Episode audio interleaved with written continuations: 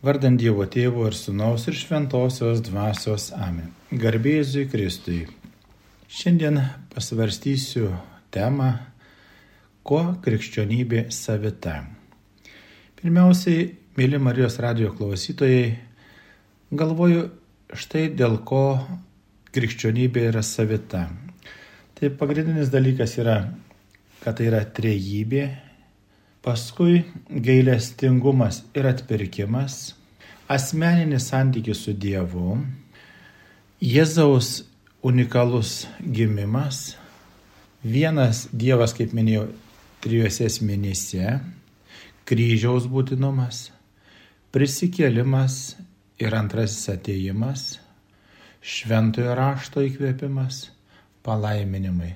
Taip pat labai svarbu, Dievas davė didžiausią įsakymą - mylėti jį ir žmonės. Taip pat manau, kad kryžius taip pat yra svarbu krikščionybės savitumui ir po to šventosios mišios, sakramentai ir bandysime tomis temomis pasvarstyti, pasidalinti ir įsiaiškinti, kodėl yra krikščionybė savita prieš kitas religijas ir ko mes galime būti laimingais krikščionėmis. Mėly Marijos radio klausytojai, brangieji. Dievas trijose asmenyse palaimintoji trejybė. Kodėl ji tokia svarbi krikščionių tikėjime? Svarstome, kad trejybė yra tikrosios krikščionybės centras.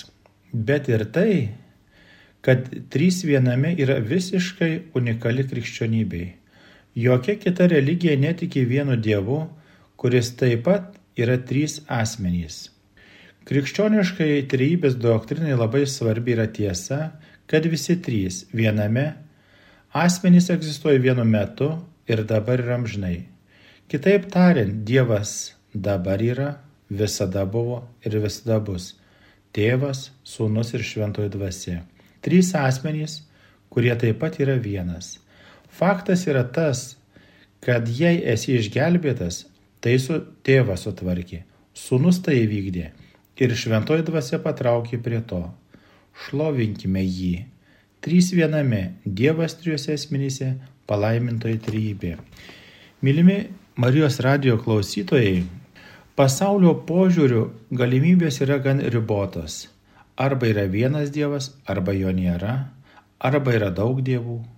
Krikščionybė yra monoteistinė religija, tikėjimas, kad yra vienas tikras Dievas.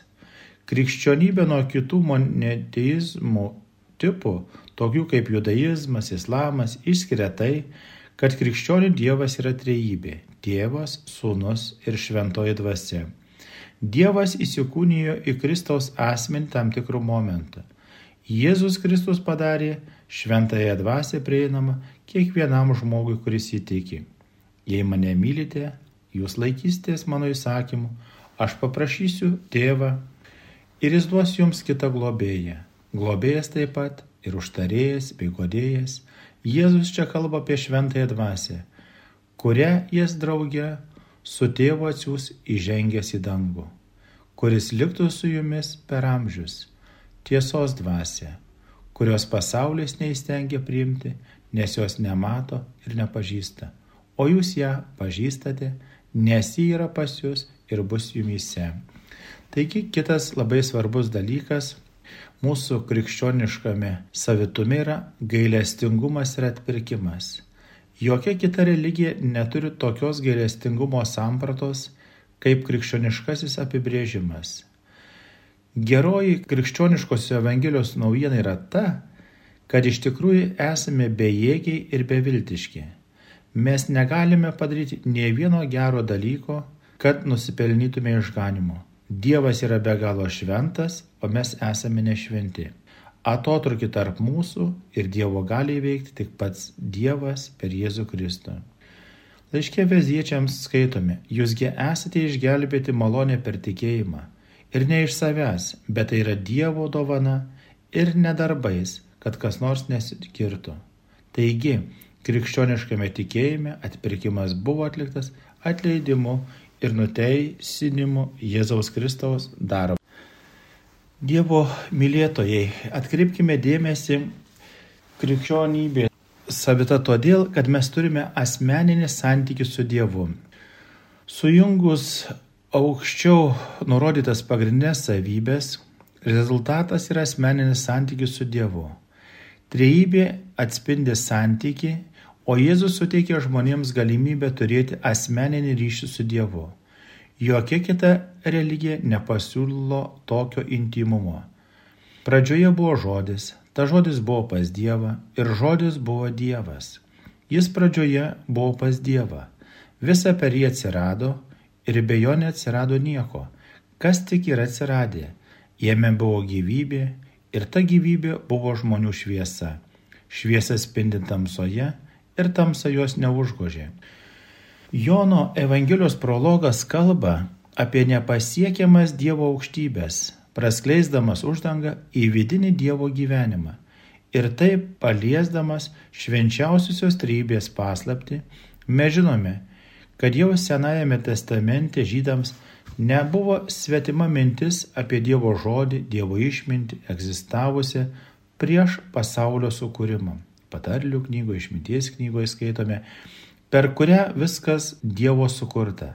Tačiau Jono prologė Dievo žodis išiškėja kaip antrasis švenčiausias trybės asmuo, kaip vienatinis Dievo sūnus, per kurį mums atėjo išganimas ir malonė. Iš Jono Evangelijos aiškiai sužinome ir Dievo žodžio įsikūnymo paslapti kitose Evangelijose. Kalbam apie Jėzaus dievystę kaip faktą, o čia parodytas jo dievystės pagrindas švenčiausioje trejybėje. Jono Evangelijos prologos bus buvęs pirmųjų krikščionių himnas. Žodis logos yra Jėzus, ta žodis tapo kūnu ir gyveno tarp mūsų. Mes regėjome jo šlovę, šlovę tėvo viengimio sūnaus, pilno tiesos ir malonės. Taip pat labai svarbu akcentuoti į kristocentrizmą ir meilės akcentavimą. Krikščionybė sutelkta aplink labai konkretų asmenį Jėzų Kristų ir pabrėžia džiaugsmingos ir besąlygiškos meilės dorybę, kurią sukelia susitikimas su Jėzaus asmeniu. Jėzus yra istorinis asmo, kurio gimimas, gyvenimas ir mirtis buvo apriboti stebimų laiko ir erdvės ribų. Tačiau skirtingai nei monizmas ar radikalioji mistika, kaip kai kuriuose budizmo atšakose Dievas ir žmogus yra skirtingi, išlaiko savo individualumą. Jėzaus asmo taip pat atskleidžia, kad krikščionybės Dievas yra susirūpinęs žmonėmis ir tas rūpestis yra taikomas žmonijos istorijoje, materialiame pasaulyje. Išganimas įsikūnymo šviesoje yra laisvė būti žmogumi ir meiliai bendrauti su kitais žmonėmis. Visą tai atskleidžia istorinis Jėzaus asmo. Kaip vadovas ir norma, Jėzus visus įsakymus redukuoja į meilės įsakymą. Fariziejai išgirdę, kad Jėzus privertęs nutilti sadokėjus, susirinko draugien ir vienas iš jų įstatymo mokytas, mėgindamas jį paklausė, mokytojo, koks įsakymas yra didžiausias įstatymė? Jėzus jam atsakė, mylėk viešpatį savo Dievą, visa širdimi, visa siela visų protu. Tai didžiausias ir pirmasis įsakymas. Antrasis panašus į jį - mylėk savo artimą kaip save patį. Šiais dviem įsakymais remiasi visas įstatymas ir pranašai. Iš Jėzaus mokymo ir iš jo gyvenimo suprantama, kad meilė nėra tik viena darybė tarp kitų Ji yra pagrindinis visų darybių, visų principų ir visų žmogaus elgesio formo kriterijus. Ši meilė yra ne tik pasyvus sentimentalumas, bet ir reikalaujant disciplina, kaip apibūdino Šventasis Paulius. Krikščioniška meilė yra ir geros valios požiūris, bei veiksmai nukreipti visus, ypač į tuos, kuriems reikia pagalbos ir kurie yra šalia mūsų, kaip parodyta palyginime apie gailestingą samarietį. Apibendrinant krikščionybė mums sako, kad mūsų santykiai su Dievu neįmanomi be meilės santykių su kitais žmonėmis. Krikščionybė, kaip žinome, yra plačiausiai praktikuojama religija pasaulyje, turinti daugiau nei 2 milijardus pasiekėjų. Krikščionybės tikėjimas sutelktas į tikėjimus apie Jėzaus Kristaus gimimą, gyvenimą, mirtį ir prisikėlimą. Nors ji prasidėjo nuo nedidelės grupės šalininkų, daugelis istorikų krikščionybės plitimą, prieimimą visame pasaulyje laiko vieną sėkmingiausių dvasinių misijų žmonijos istorijoje. Taigi, krikščionybės esmė sukasi aplink gyvenimą, mirtį ir krikščioniškus įsitikinimus apie Jėzaus prisikėlimą. Krikščionys tiki, kad Dievas atsiuntė savo sūnų, Jėzų, Mesiją, kad išgelbėtų pasaulį. Jie tiki, kad Jėzus buvo nukryžiuotas ant kryžiaus, kad būtų atleistas nuodėmės ir buvo prikeltas praėjus trims dienoms po mirties prieš pakildamas į dangų. Krikščionys tvirtina, kad Jėzus vėl grįš į žemę per vadinamąjį antrąjį ateimą. Ir Jėzus nuolat ir nuolat pabrėžė, savo mokymuose Jėzus vartojo palyginimus, trumpas istorijas su paslėptomis žiniomis.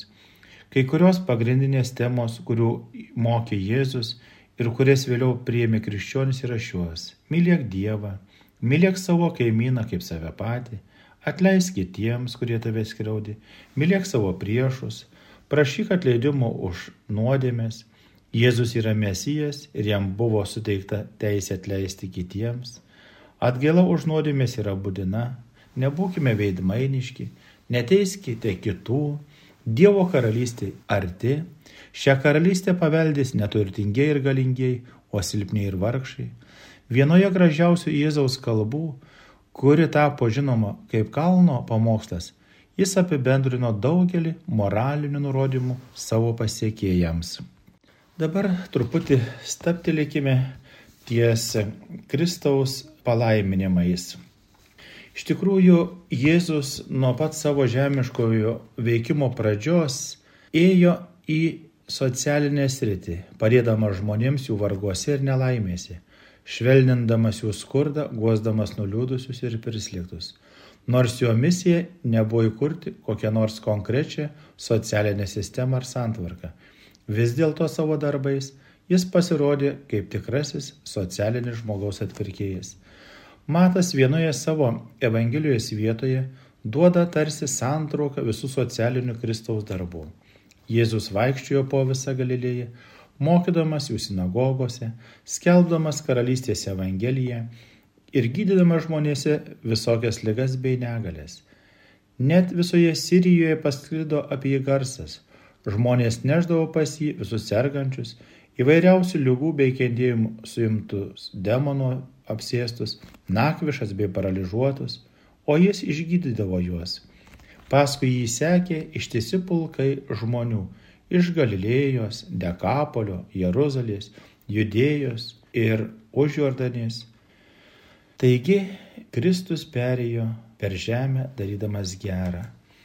Aštuoni palaiminimai yra privalomi kiekvienam, kuris nori Atkreipkite dėmesį, kuris nori, kad bendruomenė gyventų pagal Kristaus mokslą ir savyje atstatyto, apardytą Dievo paveikslą.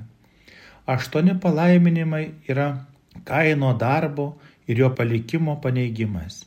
Lygi tol pasaulis rūpinosi turtu kaip savarankiška vertybė ir šiandien dar nenustoja rūpinėsis, teikdamas, esą ekonomika sudaranti pagrindus kultūrai ir tuo pačiu Dievo karalystiai. Tuo tarpu Kristus kelbė. Palaiminti turi svardienio dvasę, jų yra dangaus karalystė. Liktol pasaulis tikėjo, kad jėga ir kardas yra pačios geriausios priemonės praplėsti tautų sienoms ir užimti teritorijoms. Žmogaus santykis su žeme, kurią pats Dievas jo valdžiai skyrė, buvo ir tebėra grindžiamas prievarta ir kova. Tuo tarpu Kristus kelbė. Palaiminti romieji, jie paveldė žemę. O kiek priemonių pasaulis buvo sugalvojęs, liūdėsiu šalinti arba bent jam nuslėgti. Tuo tarpu Kristus kelbė. Palaiminti liūdintys, jie bus paguosti. Liūdėsio valandą pasaulis galėjo pasiūlyti tik užmaršti, tuo tarpu Kristus siūlo paguodą. Liktol ir vėliau pasaulis tikėjo, kad teisybės atstovai yra naivus idealistai, teoretikai, neišmanėliai. Kaino palikta apgaulė, suktumas, veidmainystė buvo ir tebėra valdžiusi bendruomeninius žmonių santykius. Tačiau prieš juos Kristus sako, palaiminti alkstantis ir trokštantis teisumo, jie bus pasotinti. Pasaulis tikėjo ir tebetikė, kad žiaurumas, daugiau daugiausiai teisingumas yra kiekvienos bendruomenės savybė. Tuo tarpu Kristus kelbė. Palaiminti gailestingi, jie susilauks gailestingumo. Pasaulis tikėjo ir tebetikė, kad kūno aistra sudaro vieną iš būtinų žmogaus gyvenimo praaiškų ir todėl reikalinga pasotinti bei patenkinti. Tuo tarpu Kristus sako, palaiminti yra širdžiai jie regės Dievą. Pasaulis mane ir tebe mano, kad savas idėjas ir savo religiją galima Ir net reikia skelbti ne tik žodžiu, bet ir kardu ir ugnimi, nes juk tai esas ištikimybės Dievo ženklas. Kristus toliau sako, palaiminti tai dariai, jie bus vadinami Dievo vaikais. Pasaulis mane ir tebe mano, kad reikia susikurti patogų ir ramų gyvenimą, nes tik tokiuose sąlygose bus galima plėsti Dievo karalystę. Tuo tarpu Kristus toliau skelbė Palaiminti persekiojami dėl teisumo, nes jų yra dangaus karalystė. Palaiminti jūs, kai dėl manęs esate niekinami, persekiojami, bei meluojant visai šmeižiami. Taigi, nėra kitos didesnės priešginybės, kaip šitoji Kristaus nurodytoji bendruomeninė socialinė nuotaika, palyginta su pasaulinė, iš nuodėmės kilusią nuotaiką. Kristaus supratimu, žmogus, kuris nori gyventi bendruomenėje, pagal dieviškosius dėsnius, turi būti neprisirišęs prie turto, gyventi su kitais taikoje, suprasti liūdėsio vertę. Taigi prašykime Dievo, kad ir mes atpažintume jo skelbiamą mokslą ir šiandien. Krikščioniškoje bendruomenėje žmonės turi būti sujungti meilės ir tiesos ryšiais. Žmonių suskirstimas į draugus ir priešus į artimuosius ir tolimuosius yra nekrikščioniškas dalykas. Evangelijoje pagal Matą skaitome penktajame skyriuje 47 eilutėje.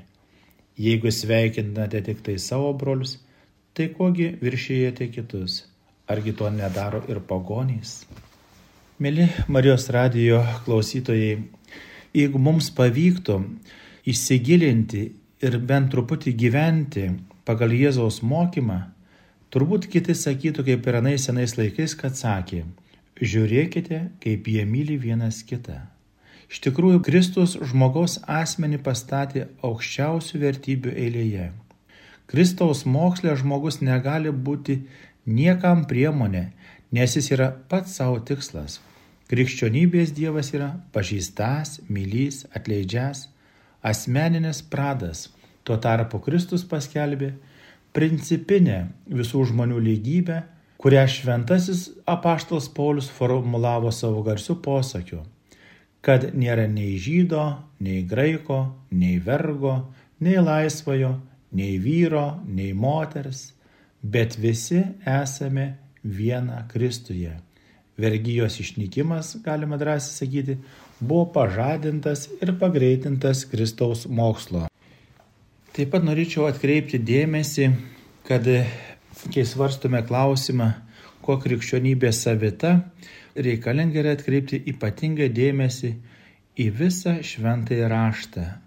Ir labai gražu, kad yra žmonių, kurie nuolat skaito, domisi šventuoju raštu. Atkreipčiau dėmesį, kad didelė naujojo testamento dalį sudaro ankstyvųjų krikščionių vadovų rašti laiškai, vadinami laiškais. Šiuose laiškose pateikiamos instrukcijos, kaip bažnyčia turėtų veikti. Pirmieji krikščionys laikė savo pašaukimu skleisti ir mokyti, gyventi pagal Evangeliją. Vienas svarbiausių misionierių buvo apaštlas Paulius, buvęs krikščionių persikėtėjas. Taigi, gal nepaminėjau pradžioje, kad bažnyčia tebėra misijose ir tikinčiųjų skaičius, kaip žinome, kiekvienais metais vis auga ir auga. Taigi visų pirma, krikščionių tikėjimas remiasi tiesioginiu fiziniu jo įkūrėjo Jėzaus Kristaus prisikėlimu. Apaštlas Paulius prisikėlimą laikė svarbiausių dalykų. Pirmiausiai, aš jums perdaviau, ką esu gavęs, būtent. Kristus numirė už mūsų nuodėmės, kaip skelbė raštai. Jis buvo palaidotas ir buvo prikeltas trečiąją dieną, kaip skelbė raštai. Ir vėl matome, kad tikėjimas Kristaus prisikėlimu laikomas vienu iš svarbiausių dalykų krikščioniui. Jokia kita religija nėra pagrįsta jos įkūrėjo tiesioginiu prisikėlimu. Taigi krikščionybė yra unikali savo požiūrį į Dievą. Krikščionybė yra vienintelis tikėjimas, kuris moko, kad yra vienas Dievas, kuris egzistuoja trijose asmenėse - Tėve, Sūnuje ir Šventoje dvasioje. Visi trys asmenys sudaro vieną Dievą. Tačiau kiekvienas asmo yra konkrečiai vadinamas Dievu tėvu, sūnumi ir dvasia. Krikščionybė taip pat yra unikali savo autoritetu. Ji priima visas Senojo ir Testamento knygas kaip įkvėpta Dievo žodį, kuris tau arnauja kaip autoritetas tikėjimo ir praktikos klausimais. Visas raštas yra Dievo įkvėptas ir naudingas mokyti, barti, taisyti, auklėti teisumui, kad Dievo žmogus taptų tobulas, pasirengęs kiekvienam geram darbui. Paulius gražiai iškelia šventojo rašto įkvėptumą ir naudingumą. Pirmiausiai žinokite, kad jokia rašto pranašystė negali būti savavališkai aiškinama, nes pranašystė niekuomet nėra atėjusi žmogaus valia bet šventosios dvasios pakinti žmonės kalbėjo Dievo vardu. Ir kas dar labai svarbu, krikščionybė unikali yra savo poveikiu. Atkreipkime dėmesį, viskas prasidėjo sėkminių dieną. Apaštului Petrui ir jo pasiekėjams kalbant, tą dieną prisidėjo apie 3000 žmonių apaštalų darbuose rašoma antrajame skyriuje. Netrukus jų skaičius išaugo iki 5000 vyrų ir taip toliau, ir ta krikščionybė tebestėsi. Atkreipčiau dėmesį, brangiai, į vieną įdomų pastebėjimą.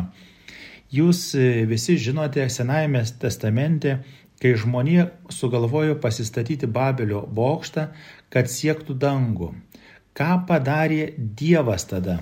Sumaišė kalbą, kad jie nebesusikalbėtų ir nepastatytų to, ko Dievas nenori, nes jie norėjo savo ambicijas ir valią gyvendinti, bet negyventi pagal Dievo valią. Kas atsitinka per sėkminės? Pirmo atveju kalbų įvairumas atrodo tarsi prakeikimo ženklas. Antru atveju dieviškoji malonė susitaiko su šituo įvairumu ir pati pasima žmogaus kalbinio įvairumo formas. Atkreipkite dėmesį. Sėkminių stebuklo metu Petras kalbėjo persams, medams, Mezopotamijos gyventojams, žydams, graikams ir visai miniai skirtingiausių tautų. Ir kiekvienas jį suprato savo kalbą. Taigi šventoji dvasia čia pirmas sykį taip aiškiai apsireiškė tautiniais pavydalais. Tai, kas senajame įstatymė buvo rūstybės ženklas, naujajame įstatymė tapo malonės ženklu. Ir kai skaitome toliau apaštalų darbuose, mes išgirstame, kaip pradeda veikti artimo meilės įsakymas. O artimo meilė, kaip žinome, yra egoizmo priešingybė. Ir iš tikrųjų, kai Jėzus tada aš jau kaip minėjau, kad pasakė, kad yra Dievas, didžiausia meilė, artimą turi mylėti taip kaip save, minėjau tą gailestingai samarietį. Taigi Dievas parodo, kad kiek artimo meilė prisertina prie mano asmens meilės, tiek Kristaus įsakymas yra įvykdomas.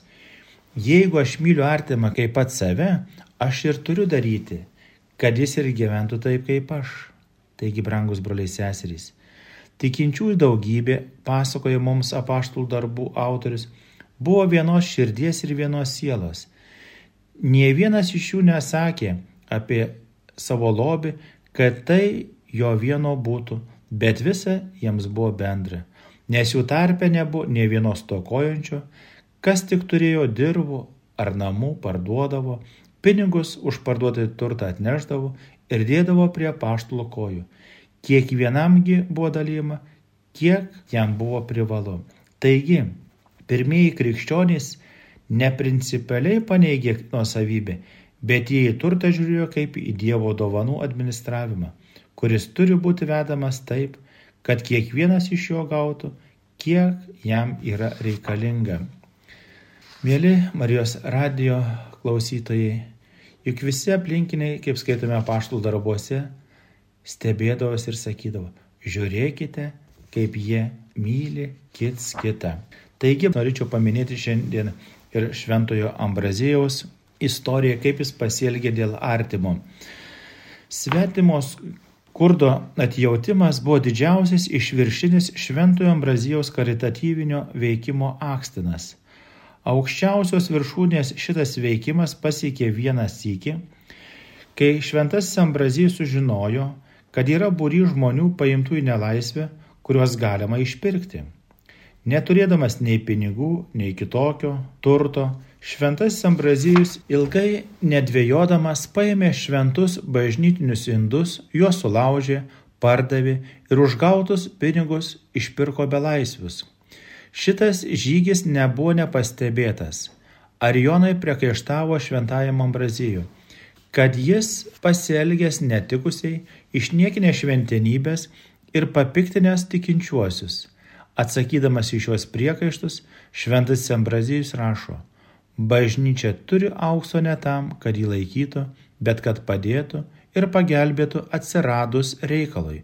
Argi nepaklaus viešpats, kodėl leidai, kad tiek daug mirtų badu, juk turėjai aukso ir būtum galėjęs duoti išmaldos. Kodėl tiek belaisvių buvo nuvesti į rinką ir niekam jų nenupirkus būtų buvę priešo užmušti. Geriau būtų buvę, jei būtum saugojęs gyvus indus, o ne metalinius. Taip pat šventas Ambrazijus mini šventai Laurencijų kankinį, kuris taip pat bažnytinius turtus išdalino vargšams, o teisėjo paklaustas, kur yra turtai, kuriuos žadėjo parodyti, atsakė rodydamas į vargšus. Štai bažnyčios turtai, tai tikrieji turtai, kuriuose gyvena Kristus ir tikėjimas. Ar gali Kristus turėti geresnių turtų kaip tie, kuriuose pats pasisakė esas? Šitas šventojo Ambrazijaus žygis, kilęs iš tikrai suprastos ir nuoširdžiai vykdomos artimo meilės, yra gražiausias pirmųjų krikščionybės amžių paminklas ir prasmingas nurodymas ateičiai. Taigi, Prašykime Dievo malonės, kad ir šiais laikais atsirastų kuo daugiau norinčių padėti vargšams. Ir iš tikrųjų, kas pasidalina savo turtą su artimu, kaip reikalauja šventasis Augustinas, arba kas sulaužo net bažnytinius indus, kad už juos išpirktų belaisvius, tas artimą myli lygiai kaip pat save. Kas vargstančiam artimui išmeta keletą centų ar duonos reikelį, tas jį myli panašiai kaip pat save. Taigi šiandien dėkojime viešpačiui, kad yra daug pagalbos suteikiama suvargusiom šalims, karo sąlygomis, žemės drebėjimos ištiktom šalims. Ir iš tikrųjų, artimą reikia mylėti kaip save patį, ne jausmu, bet darbu jausmo neužtenka. Todėl niekas neneigia, kad artimo meilės įsakymas yra ne psichologinis, bet moralinis įsakymas ir Jėzus nori, kad mes kiekvienas, kad ir mažiausių darbelių darytume kasdien. Ir iš tikrųjų iš anų laikų turime mokytis, kad vargšams atiduodavo ne perteklių, bet tai, kas buvo reikalinga. Taigi ir mes prašykime Dievo malonės. Kitas jį gal ir patys patirdami atrodo kaip ir kažką prarasime ar dar kažką, bet Dievas taip patvarko, kad visko visiems užteks, nes, kaip sakoma, į grabą nesusidėsime. Taigi Dievas tebe nori ir šiais laikais, kad mes išgirstume jo kvietimą. Dievas taip pamilo pasaulį, jog atidavė savo viengimi sūnų, kad kiekvienas, kuris įtiki, nepražūtų, bet turėtų amžinai gyvenimą. Dievasgi nesiuntė savo snaus į pasaulį, kad jis pasaulį pasmerktų, bet kad pasaulis per jį būtų išgelbėtas. Laiškė romiečiams taip pat skaitome, nes visi nusidėjo ir stokoja Dievo šlovės ir visi yra nemokamai išteisinami jo malonė per atpirkimą per Jėzų Kristų. Štai kur yra krikščionybės unikalumas, nes mes tikėjimo ir gyvenimo kelionėje neiname vieni. Taip jis mus išgelbėjo dėl savo begalinio gailestingumo ir esame išgelbėti begalinė Dievo malonė. Ir krikščionybė yra tuo unikali dar, kad Dievas ateina pa žmonės. Biblijoje nematome žmogaus besigrėbiančio Dievo, mes matome kaip Dievas siekia žmogaus. Ir prisiminkime Domo istorijai, Marijos apsireiškimus, Lurdė, Fatimoj, Kvadalupiai. Taigi Dievas nuolat mums kalba įvairiausiais būdais. Jėzus yra arba visko, arba nieko viešpats. Pažvelkite į šios apaštalo Pauliaus žodžius filipiečiams. Todėl Dievas jį labai išaukštino ir suteikė jam vardą, kuris yra aukščiau visų vardų, kad Jėzaus vardui visi keliai lenktųsi danguje, žemė ir po žemė, ir kiekvienas liežuvis išpažintų, kad Jėzus Kristus yra viešpats, Dievo tėvo šloviai. Dar atkreipčiau dėmesį apie Jėzaus prisikėlimą. Vėliau jis pasirodė iš karto daugiau nei 500 brolių, kurių daugumas tebe gyvena iki šioliai, o kai kurie yra užmėgė. Iš tikrųjų, Jėzaus kūnas niekada nebuvo rastas. Kai kurie teigia, kad mokiniai pavogė kūną ir jį paslėpė. Tuo sunku patikėti, kai mokiniai iš visiškų bailių, palikusi Jėzų prieš jo nukryžiavimą, tapo drąsiais Jėzaus gerosios naujienos kelbėjais. Kas juos pakeitė? Nepaprastų kankinimų, smurtinės mirties akivaizdai, ne vienas iš mokinių neatsisakė savo liudijimo. Kai kas teigia, kad Jėzus iš tikrųjų niekada nemirė, o tik nuolpo ant kryžiaus kad jis atgyjo kape, pabėgo iš kapo, pasirodė gyvas savo mokiniams, sukeldamas prisikėlimo įspūdį. Tačiau įrodymai rodo, kad Jėzus iš tikrųjų mirė nuo kardo įsmeigto jo šoną. Viena teorija teigia, kad visi Kristaus pasirodymai po jo mirties buvo halucinacijos, sukeltos pervargusios vaizduotės. Šis požiūris ignoruoja faktą, kad du žmonės beveik niekada neturi identiškų halucinacijų vienu metu, o grupės nekartą matė Jėzų. Taigi, Biblija yra autoritetinga ir nekartą įrodyta, kad ji yra teisinga. Istorikai ir archeologai nekartą patvirtino Biblijos autentiškumą.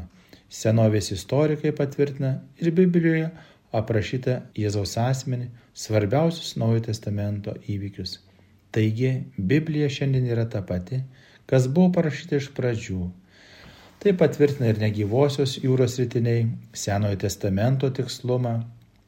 O tai, ką iš pradžių parašė Naujojo testamento rašytojai, išliko nei bet kuris kitas senovinis rankraštis. Ankstyvoji bažnyčia Naujojo testamento knygas priėmė beveik iš karto, o rašytojai buvo arba Jėzaus draugai, arba tiesioginiai pasiekėjai. Taigi ir mes žinome, kaip Jėzus kalbėjo savo mokiniams Nemanykite, jog aš atėjęs panaikinti įstatymo ar pranašų. Nepanaikinti jų atėjau, bet įvykdyti. Iš tiesų sakau jums, kol dangus ir žemė nepraeis, ne viena raidelė ir ne vienas brūkšnelis neišnyks iš įstatymo, viskas išsipildys. Kaip gražiai šventasis dekonas Efremo dete Sarono sako apie Dievo žodį. Dievo žodis yra gyvenimo medis iš visų savo pusių tau siūlantis palaimingų vaisių. Jis yra nelyginant uola atsiverinti dykumoje, kad iš visų pusių ištrykštų dvasinių gėrimų. Apaštalas sakė, jie valgė dvasinio maisto ir gėrė dvasinio gyvenimo. Taigi ypatingai iš naujo stenkimės pamilti Dievo žodį ir tuo pačiu dar noriu raginti, priminti, kad ir krikščionybė turi dešimt Dievo įsakymų, mums yra sekmadienis šventa diena ir turėtų jinai likti visada. Visus rūpeščius atidėliokim, bet šveskim sekmadienį. Kaip žinome, Velykos yra pagrindinė mums šventė metuose, kaip švenčiame sakramentų įsteigimą, kai pergyvename Jėzaus mirtį, pergyvename dėl savo išganimų, dėl artimųjų išganimų. Taip pat toks dar vienas gal įdomus dalykas Jeruzalė yra be nešvenčiausias miestas pasaulyje, tai yra svarbi vieta žydams, krikščionims, musulmonams. Taigi, jeigu mes norime pasiekti amžinybę, jeigu norime būti laimingi viešpatės artumoje, turime išgirsti, kad Jėzus yra kelias, tiesa ir gyvenimas. Ir Jėzus taip pat sako kiekvienam iš mūsų, tad eikite ir padarykite mano mokiniais visų tautų žmonės, krikštydami juos vardant tėvo ir sūnaus ir šventosios dvasios, mokydami laikytis visko, ką tik esu jums įsakęs. Ir štai aš esu su jumis per visas dienas iki pasaulio pabaigos. Broliai seserys, kokia gera žinia. Dievas ir šiandien yra su mumis iki pasaulio pabaigos. Taigi krikščionybė yra unikali tuo, kad krikščionis turi Dievą, kuris myli, o kitų dievų garbintojai gyvena baimėje. Mūsų Dievas taip pamilo pasaulį, kad atidavė savo viengimi sūnų, kad mes būtume kiekvienas išganytas ir prisimename, kai tas nusikaltėlis ant kryžiaus sako, Jėzau prisimink mane savo karalystėje. Ir kas atsitiko? Nusidėlis paverčiamas mylimu draugu, mylimu broliu, mylimu sūnumi ir jam pranešama, kad tu dar šiandien su manimi būsi rojuje. Ir norėčiau baigti tokiu kaip anegdotiniu trumpu pavyzdėliu. Jėzus yra unikalus tarp visų religijų ir jų įkūrėjų. Kinų mokslininkas atėjęs pas Kristų tai iliustravo taip. Žmogus nuklydo nuo kelio ir įkrito į tokią gilę ir slidžią duobę, kad ištrūkti buvo neįmanoma, todėl šaukėsi pagalbos. Netrukus atėjo Buda, pažvelgė į šį bejėgį vyrą ir po ilgo apmąstymo pasakė, mano vargšas žmogau, Tokia likimo apgaulė. Susitaikykite su savo pražūtimi. Ir papurtęs galvą nuėjo. Priejo Konfucijus ir išrėžė tiradą. Kvailiai, kodėl nuklydai nuo kelio? Pasinaudokite mano patarimu. Jei kada nors išlipsite iš dobės, eikite tik kelio centru. Ir tas nuėjo. Beviltiškas vyras vėl šaukėsi pagalbas. Ir kažkas priejo prie jo kupinas užuojautos, Nusivilkęs nuo nugaros turtingą apsiaustą, Dievo sūnus iššoko į duobę, pakėlė bejėgį vyrą ant pečių, pasodino ant žemės ir tarė, dabar mano sūnau, pasimk mano apsiaustą ir eik namo. Taigi, Jėzus ne tik atidavė savo gyvybę, kad išgelbėtų mus iš nuodėmių duobių, bet ir padovanojo mums teisumo drabužį ir kviečia į dangų. O visa tai priklauso jau nuo mūsų pastangų nuo mūsų norų, nuo mūsų maldų ir aišku priklauso nuo begalinio Dievo gailestingumo, nuo begalinio Dievo gerumo. Garbėjai Jėzui Kristui, mėly Marijos radio klausytojai, tegu Dievas toliau mūsų visus globoja tikėjimo kelionėje ir artinasi gavienė, prašykime, kad gerai pasirengtume ir paruoštume save vėl iš naujo naujam sutikimui su prisikėlusiu Kristumi. Čia buvo kunigas Tasys Šlepavičius, Klaipėda, Kristaus karaliaus parapija, Vikaras.